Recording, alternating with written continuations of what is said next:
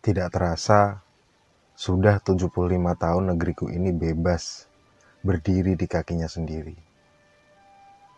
Jutaan ucapan terima kasih mungkin tidak akan cukup untuk para pejuang yang membuat kemerdekaan ini terjadi.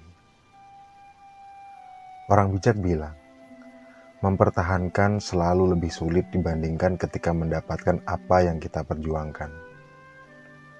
Dan itu benar-benar ada di depan mata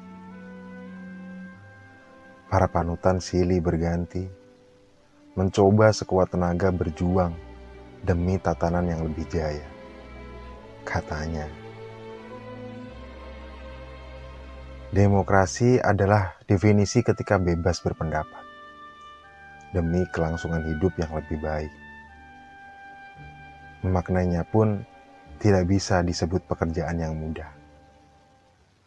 Mahasiswa turun ke jalan, perdebatan tentang kemiskinan, perdebatan tentang kebijakan, goyahnya pendirian, bersinggungan tentang kepercayaan, saling tuding antar golongan, hingga kabar tentang kebebasan berbicara yang dikekang.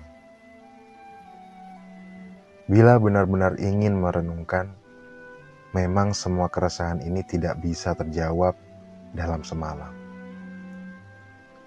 Seolah-olah semakin lama beban kami yang muda ini semakin jauh bertemu dengan titik terang. Kabar baiknya adalah semakin banyak orang pintar di sekitar kita mendedikasikan hasil pemikiran untuk bangsa. Kabar baiknya, banyak yang telah berkeliling menjelajah dunia. Kabar baiknya, semakin banyak orang bisa berjaya tanpa uluran tangan dari negara. Begitu banyak kabar baik yang membuat kita bangga. Tapi pertanyaannya adalah bukan cuma berucap. Apakah masih ada Pancasila dalam hati kita di antara kehidupan dan dinamikanya? Apakah masih ada Pancasila ketika ada kekuasaan di tangan, bahkan ketika bursa menukik tajam. Apakah masih ada Pancasila ketika wabah melanda?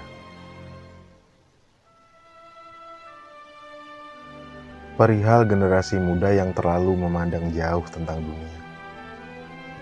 Kadang sedikit yang melupakan budaya, hampir mengabaikan sumpah pemuda berhentilah sebentar.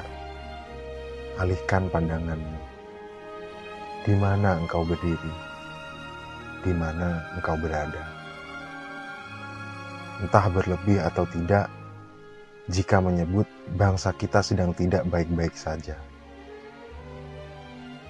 Sudah saatnya bersumbangsih bahkan sesederhana yang kita bisa. Dirgahayu negeriku, Indonesia.